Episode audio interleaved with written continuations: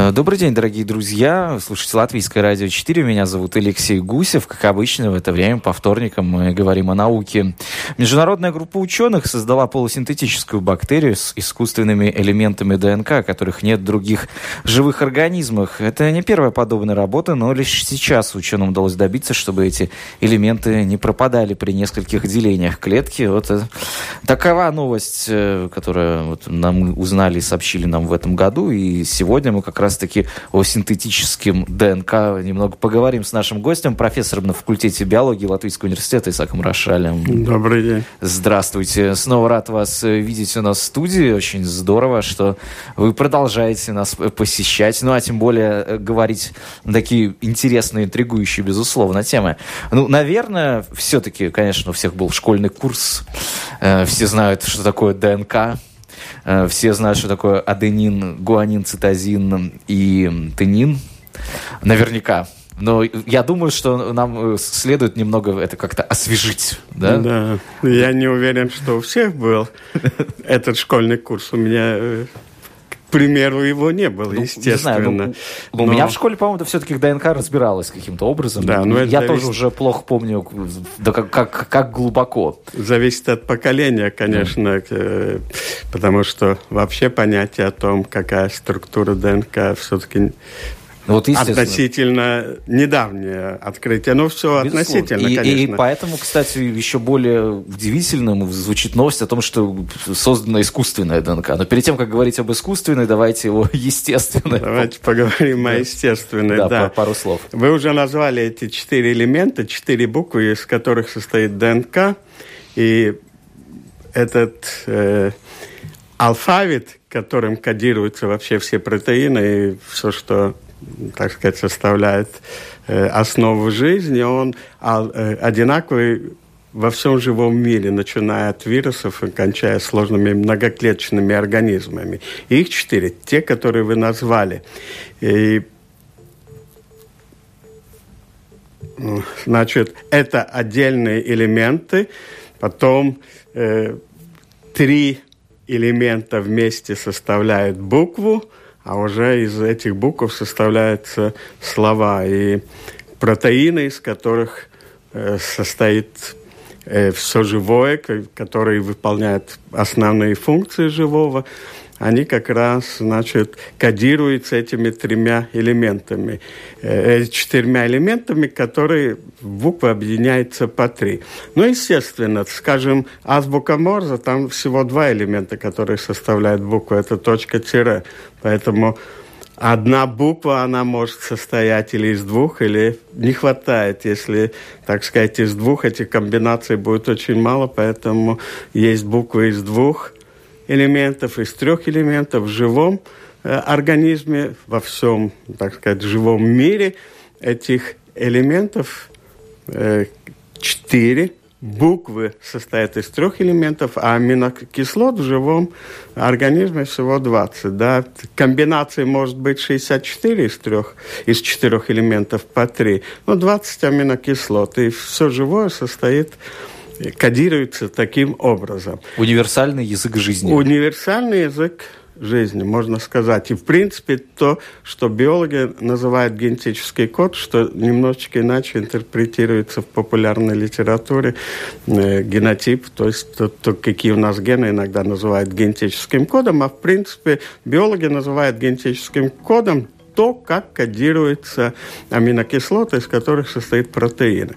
Так вот, как вы уже вообще введение уже почти все сказали. Извините. Нет, это хорошо. Значит, повторение мать учения, я повторю то, что, может быть, вы сказали. Если четыре этих основных элемента, которые составляют, которые четырьмя буквами обозначаются А, Г, С, Т, да, то добавились э, еще два – вот, вот давайте, вот, может быть, э, немного попозже, немного попозже все-таки к искусственно да. перейдем, потому что э, все-таки про то, нужно сказать про то, что спираль ДНК, она двойная, то есть вот эти буквы, они еще должны, так сказать, соответствовать да. друг другу. А всегда стоит э, вместе с Т, а Г вместе с С. Вот да. Э, давайте Значит, об этом, да.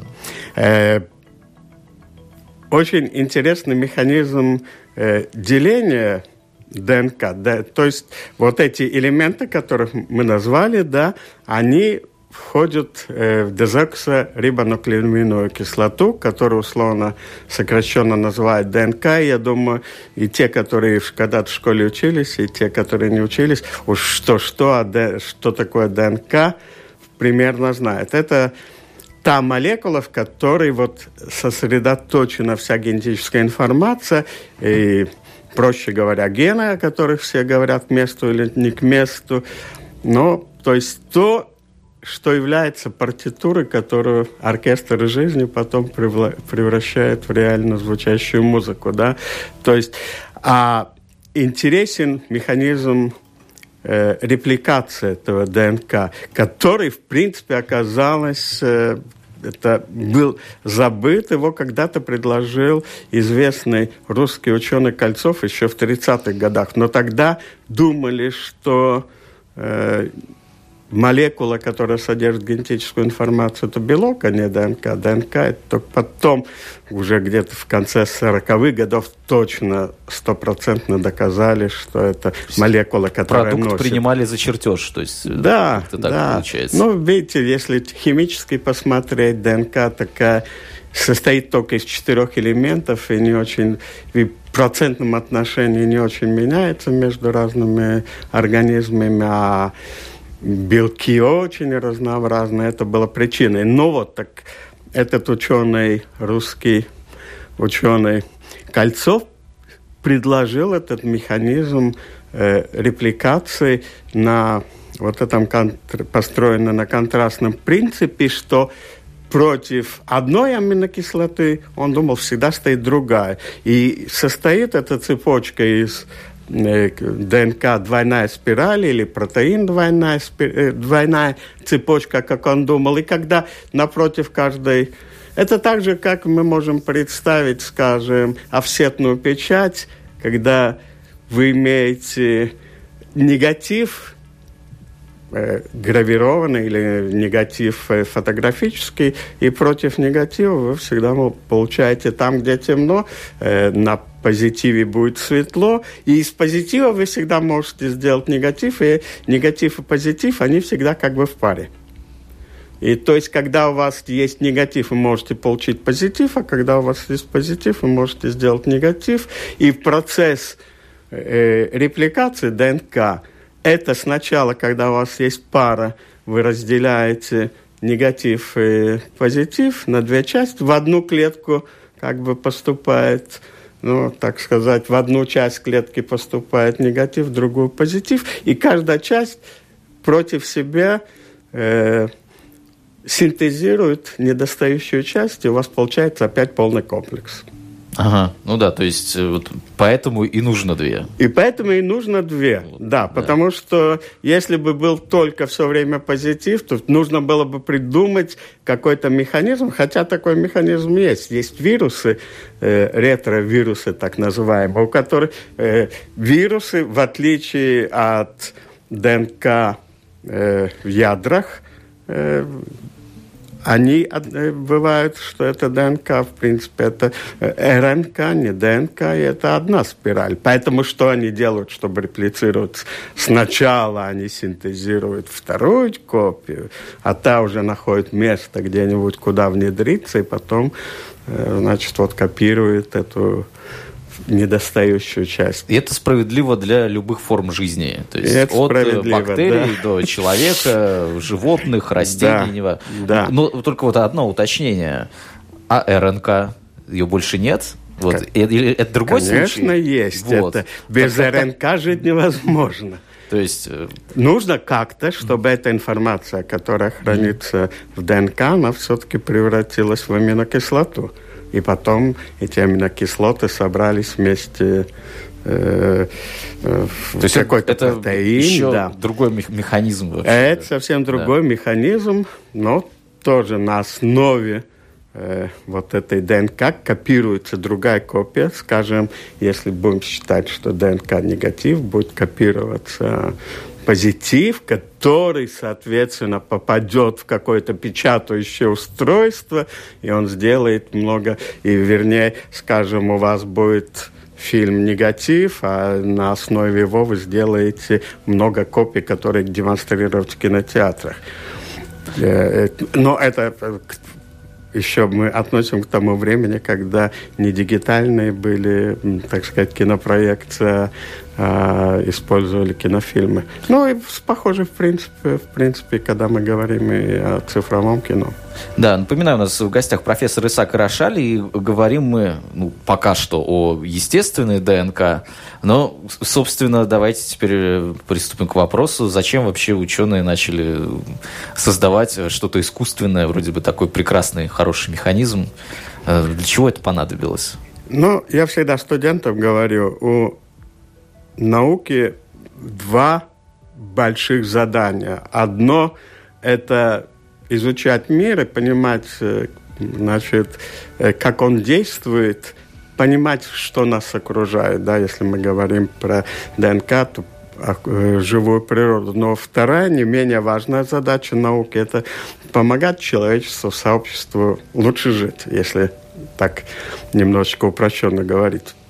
Так вот, во-первых, естественно, когда вы создаете э, новые вот эти цепочки жизни, то вы не можете это создать. И если вы хотите создать их, такие цепочки жизни, которые функционируют, вы не можете это сделать без глубокого понимания вообще этих механизмов, как ДНК устроена, как она реплицируется, как вообще осуществляется связь между ДНК аминокислотами, протеинами, как проходит эволюция, если мы уже начинаем думать о том, как это позитивно использовать. А во-вторых, если у нас дополнительный инструмент, это значит, что у нас дополнительные возможности в руках человека, это мы тоже можем поговорить.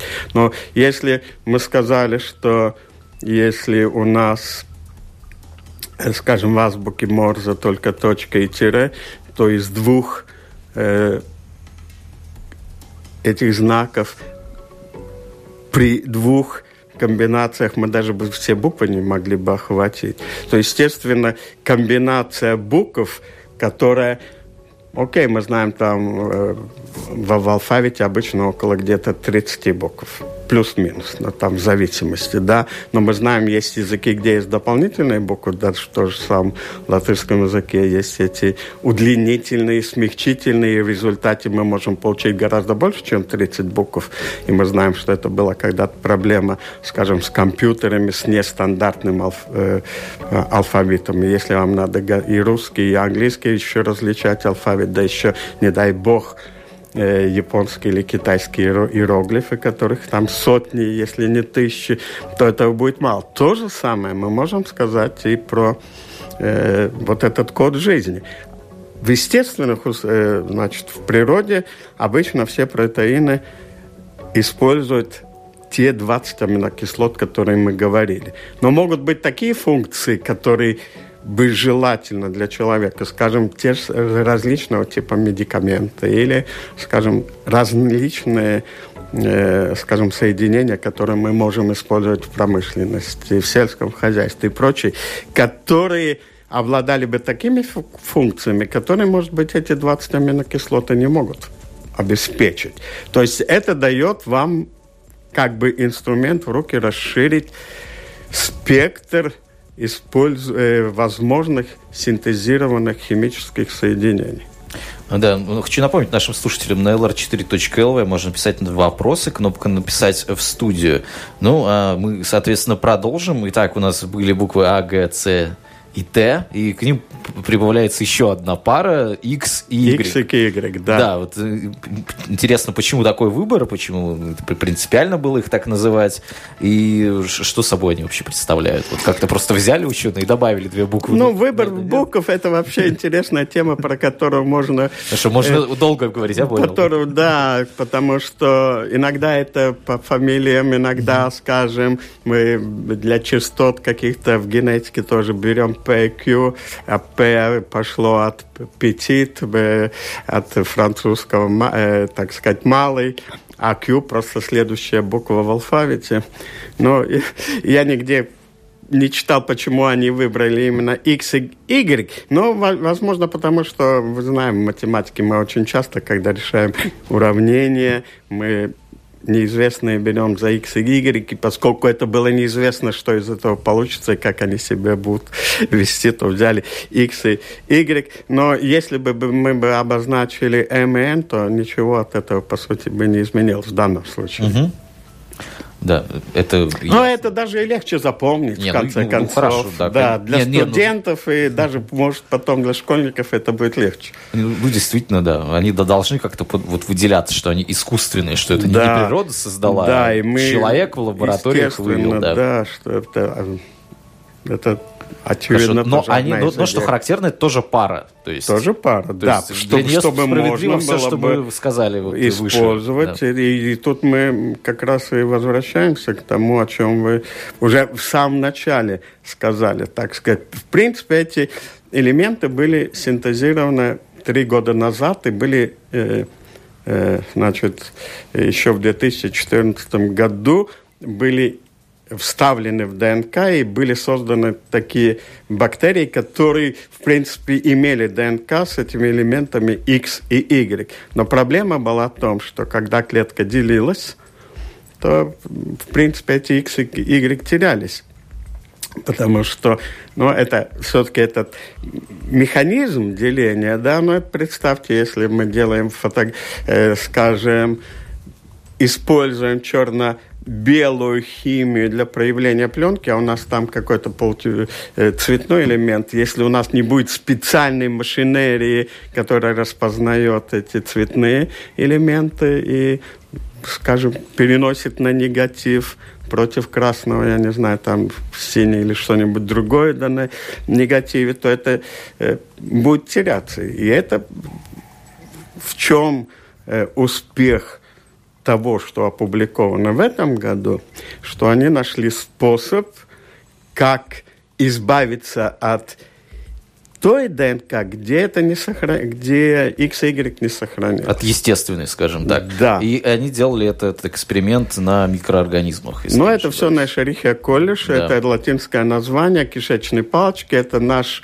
общий друг, мы, может быть, и враг иногда, но тот, с которым мы живем вместе, который у нас тысячами разные формы, это кишечные палочки, если все нормально. Вот когда засоренная, э, скажем, внешняя среда, мы измеряем, как много этой кишечной палочки, считаем, тогда это плохо. Да, и вот, если... собственно, у нее развили вот эти дополнительные буквы в генетическом коде, ну, а чтобы они сохранились, там была использована тоже вот новаторская технология, да. о которой мы тоже здесь с вами говорили, ну, по-моему, в рамках которой мы говорили когда Теория да. всего, да. Мы, ну, мы, по крайней мере, касались ее CRISPR, да? Да, да, ну, да. Ну, я думаю, что нужно все-таки поподробнее об этом. Ну, это, в принципе, э, система защиты э, организмов от чужеродной ДНК. И она была известна тоже достаточно давно, но научиться использовать эту систему, как говорится, в благих целях и не только для бактерий, научились достаточно недавно. То есть смогли ее э, использовать этот э, механизм для того, чтобы инкорпорировать нужную нам ДНК, э, значит, в, э, нужный тот нам фрагмент ДНК, э, соответственно, в какую-то другую ДНК, да, то есть мы можем таким образом перенести какой-нибудь нужный ген в, в организм реципиента. Мы можем, э, значит, в селекции растений теперь. Это очень бурно развивающаяся отрасль, какой-нибудь ген устойчивости. Ну, звучит действительно фантастически. Перенести отдельно ген. Почти как Ctrl-C, Ctrl-X, Ctrl-V да, в компьютере. что-нибудь вот. вот такого рода, да. Но теперь э, большая дискуссия э, идет считать ли такие измененные организмы э, генной инженерией, и, соответственно, считать ли такие э, измененные организмы, как GMO, или все-таки это другая технология, и как, так сказать, с этим нам сживаться и в, и в Европейском Союзе одно законодательство. Но это теперь была бы совсем другая тема. Но, в принципе, почему это э, защитный механизм у микроорганизмов? они вводят эту ДНК, чужеродную, скажем, ДНК, фрагмент ДНК вируса в свою ДНК, и он там находится уже как образец того, с чем надо бороться. Значит, как э, я читал, это не мое, не буду говорить, что это я сам придумал, но образное сравнение, что это как плакат. Ищется преступник. И вот такое вкрапление, оно как бы дает иммунной системе организма сигнал, с чем надо бороться. Вот эта чужеродная ДНК – это бороться. Так вот, возвращаясь к этой синтетической бактерии, эту систему CRISP использовали таким образом, что они ввели в эту систему иммунитета э, фрагмент ДНК без XY. И то есть получилось, что та ДНК, где нет XY, она как бы ненужная. Отбраковываться. И начинает. она отбраковывается. Mm. Остается только та, которая э, чужая. Так, так что использовали иммунитет э, не для того, чтобы э, как сказать, свою родную ДНК сохранять, а наоборот, чтобы оставлять врага. То есть, как, скажем, вот какой-нибудь разведчик замаскировался э, под местного жителя, его Э, скажем, системы там противо, э, скажем, вот эти, я их называю, контрразведка не может э, различить. Вот. Так, так что это большое достижение, значит, известно, что в течение нескольких десятков делений, там 50-60 делений на момент опубликования этой статьи, ну, то есть на момент написания, точнее сказать, будет этой статьи, это Э, чужеродная XY, э, содержащая чужеродную XY э, элементы ДНК сохранялся. То есть автор считает, что нет оснований, почему бы это не могло бы сохраниться и дольше. Да, но тоже смотря в каких условиях, как я понимаю. То есть одно дело лабораторные регулируемые условия, а вот что будет происходить, если, не дай бог, Нет, ну это все, по крайней мере, да. пока идет только речь вообще о лабораторных условиях, но они проверяли это сохранения не только в оптимальных условиях культивирования бактерий, они использовали разные условия культивирования бактерий, то есть эта передача достаточно стабильна в каком-то спектре условий, при котором эти опыты проводились. Но, но что при этом хорошо? Значит, и что обычно говорится, когда э, стараются и, э, так сказать, э, противостоять тем аргументам, что, скажем, вот генетически э, модифицированные микроорганизмы опасны. По большей части эти синтетические, даже вот созданные другими методами, но э, не существующие в природе комбинации генов, э, и вот эти бактерии, которые несут эти комбинации генов, они в природных условиях практически не приспособлены. Они с меньшей выживаемостью, чем те, которые прошли длительный естественный отбор. Конечно, это не значит, что э, не нужно соблюдать все правила э, предосторожности, потому что естественный отбор может э, и что-нибудь плохое, ненужное сделать, как мы знаем, с каким с устойчивостью к антибиотикам у многих микроорганизмов, что совсем нежелательно, да, и даже наоборот. Да, ну сейчас, по крайней мере, все благополучно, эти условия соблюдаются, а мы имеем... Да, но в этом случае вот да. Э, что было бы очень положительно, угу. в отличие от, скажем, от созданных э, каких-нибудь э, генетически модифицированных микроорганизмов, в случае такие практически неизвестны, но теоретически могли бы предположить. Но дело в том, что поскольку это использует другой генетический код, то они не могут э, не могли, но если бы условно, допустим, что через какое-то время, сейчас эти бактерии, конечно, эти полусинтетические могут существовать только в, э, в искусственных условиях и, и, естественно, строго контролируемых, и такой опасности, что они могут э, так сказать, выйти из-под контроля нет.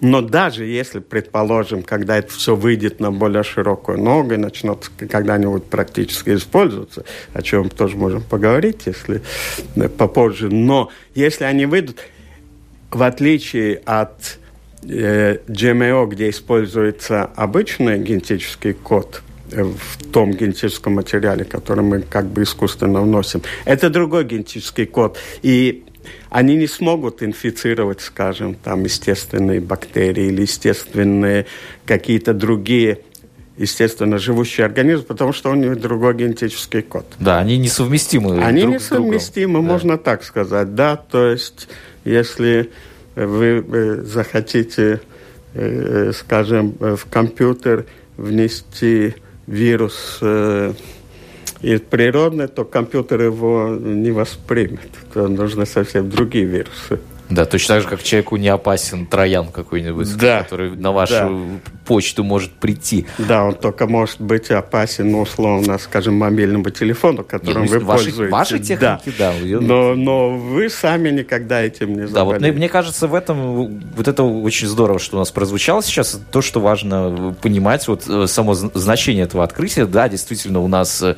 вроде бы те же микроорганизмы, но они абсолютно вот другой материал у них. Да, и это будет, и, естественно, э, мы не можем представить, чтобы в какой-нибудь вообще обозримый период естественная эволюция пришла к тому, что вот еще два дополнительных э, вот этих нуклеотида бы э, так сказать, были бы естественным отбором созданы, да еще такие, которые были созданы искусственно. Поэтому с этой точки зрения это полностью безопасно.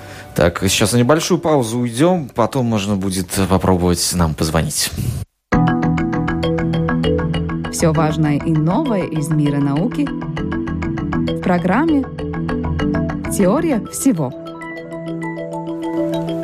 Напоминаю, что с профессором Исаком Рашалем мы сегодня говорим о искусственном э, ДНК, э, по крайней мере, его искусственных компонентах и о том, каких успехов на данном поприще удалось ученым достичь. Э, успехов действительно немалых удалось достичь. Придется признать, что действительно, сколько Земля существует, 4,5 миллиона лет, 3,5 миллиарда, извините, поговорился. Ну, да, ты, ты, такие цифры ты их произносишь, да. и потом только понимаешь, что нет, гораздо больше, да. Жизнь на Земле 3,5 миллиарда лет э, существует. Э, соответственно, современный человек по сравнению 50 тысяч лет. Э, цивилизация, ну, 10 тысяч можно дать ей. 60 лет назад мы открыли ДНК и поняли, как она работает. И вот уже сейчас взяли и изменили этот код.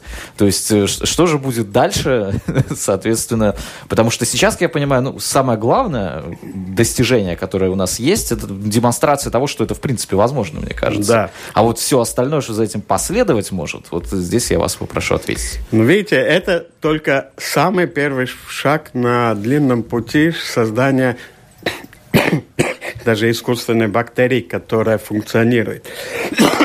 Почему? Потому что вот мы, мы же мне задали вопрос, а как вот эта информация, которая э, находится в ДНК, э, значит, она поступает в тот механизм, который в конце концов синтезирует аминокислоты. И надо сказать, что этот шаг еще, в принципе, следующий шаг не сделал. То есть теперь что важно? Э, значит, вот эта нуклеиновая кислота, которая по-умному называется рибонуклеиновая кислота или сокращенно РНК, это та кислота, которая переносит э, информацию от ДНК э, в, э, значит, в цитоплазму клетки, где синтезируются белки. Значит, каждому э, комбинации вот этих букв ДНК соответствует своя так называемая транспортная РНК, которая и переносит вот эту, соответственно, информацию туда, в этот механизм. То есть нужна это... искусственная РНК также? Это, соответственно, нужна искусственная РНК, та, которая распознает вот этот специфический нуклеотид. Нужен, соответственно, механизм, который вот переносит эту информацию, соответственно, туда, в эти механизмы. То есть нужно потом будет еще создать такую РНК, которая синтезирует, потому что, значит, еще есть несколько видов РНК, которые создают вот этот, э, ну, аминокис... Э, создают, в принципе, полипептид, да, из аминокислот. И нужна еще та специфическая, другая, не те, которые 20, а следующая 21 ну, аминокислоты известно гораздо больше, конечно, чем 20 синтезировано, но нужно еще найти ту аминокислоту, которая бы соответствовала X или Y, соответственно, да еще такая, которая обладала бы функциями, но после того, когда мы этот механизм установим, то еще нужно знать, а как же нам сделать этот протеин. Протеин, он там десятки обычно аминокислот. А как сделать так, чтобы этот протеин обладал какими-то определенными функциями? Да, мы знаем, что все действия генов, они регулируются другими генами и другими. То есть нужно будет понять, как это взаимодействие генов регулируется.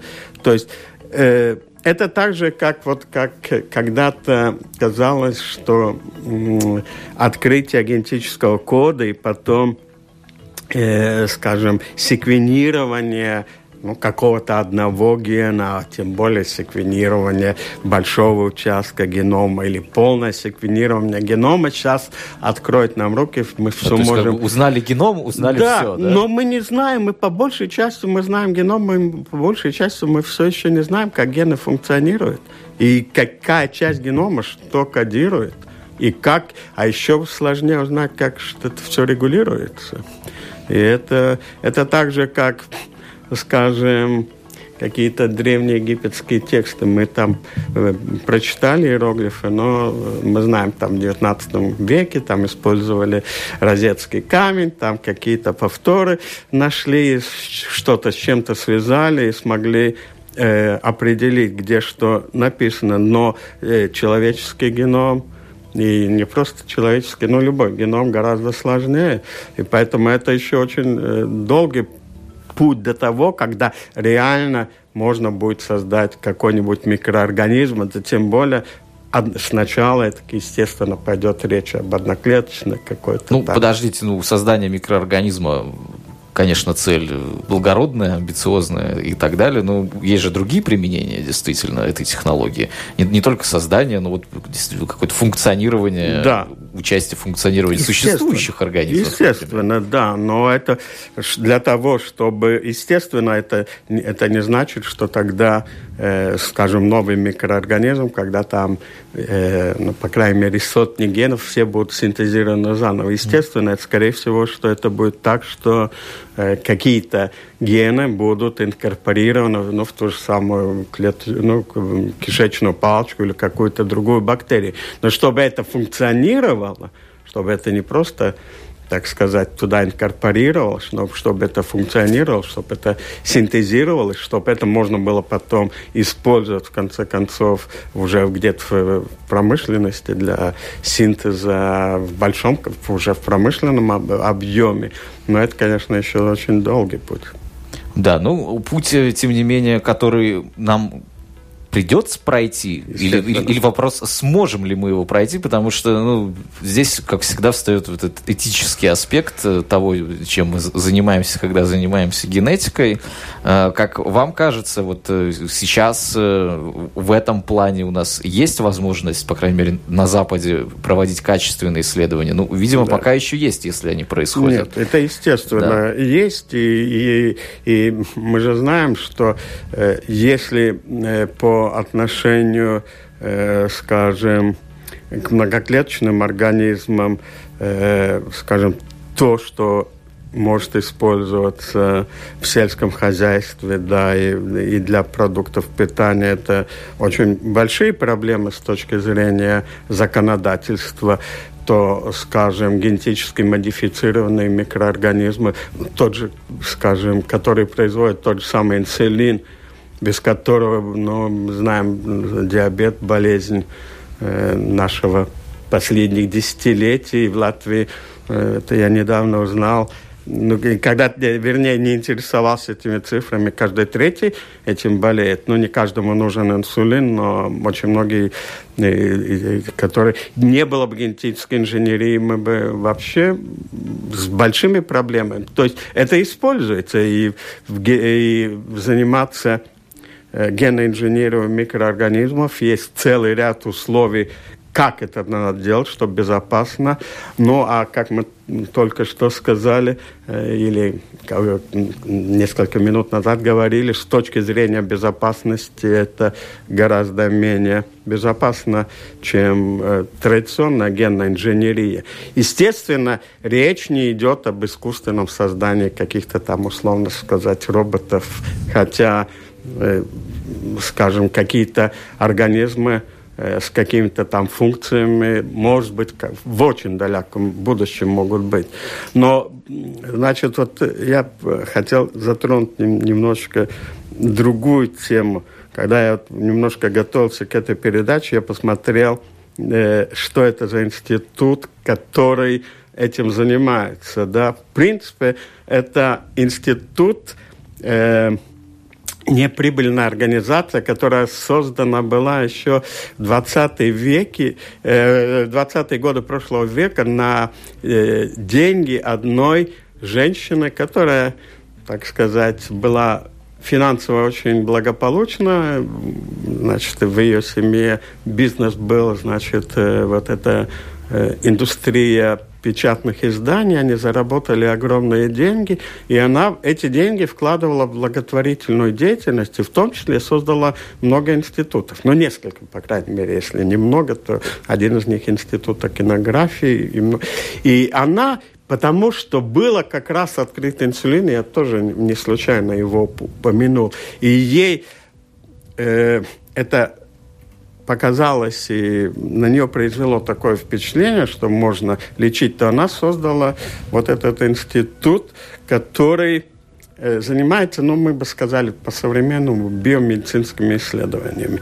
И вот сейчас этот институт, он э, Две, э, в нем работает 2500 сотрудников. Он экипирован на, по самому высшему ну, естественно, слово техники, там многочисленные лаборатории. То есть я хочу сказать, что э, современная наука, ну, она, к сожалению, уже такая, которая требует больших финансовых вложений. Этот один американский институт, он, наверное, имеет финансирование лучше, чем вся латвийская наука, и чем больше ученых, чем во всей сейчас оставшейся науке в Латвии.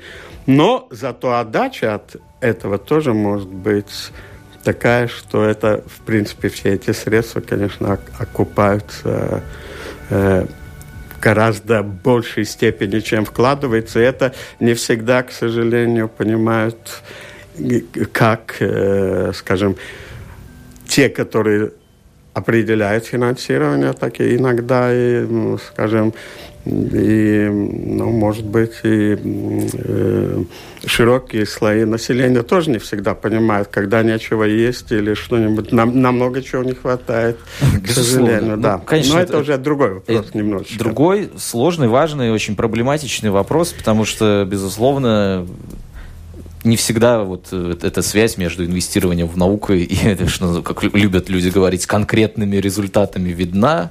И есть э, прекрасный пример, что если бы королева Англии, например, э, в каком-нибудь 18 веке собрала своих лучших ученых и сказала, вот давайте мы сделаем такой, что ли, телеграф, то ли еще что-нибудь, где можно будет э, слышать голос и показывать изображение, и это будет в каждом доме, придумайте мне сейчас.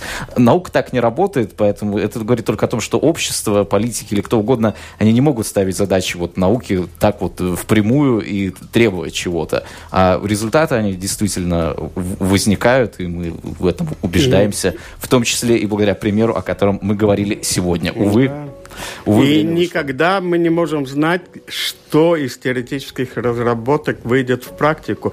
И если мы все вот про школу говорили, помните эти опыты по физике, там электричество, какие-то там пластмассу, там чем-то потереть, и там электризуется. Но когда были такие первые опыты, кому могло прийти в голову, во что это выльется? Или первые исследования по ядерным реакциям? Да, поэтому, конечно, мы будем следить, что будет происходить дальше из этой темы. Я напомню, сегодня мы говорили о создании полусинтетической бактерии с искусственными элементами ДНК. У нас в гостях был профессор на факультете биологии Латвийского университета Исаак Рошаль. Программа «Теория всего» встретится с вами на следующей неделе. Меня зовут Алексей Гусев. Э, всем всего доброго.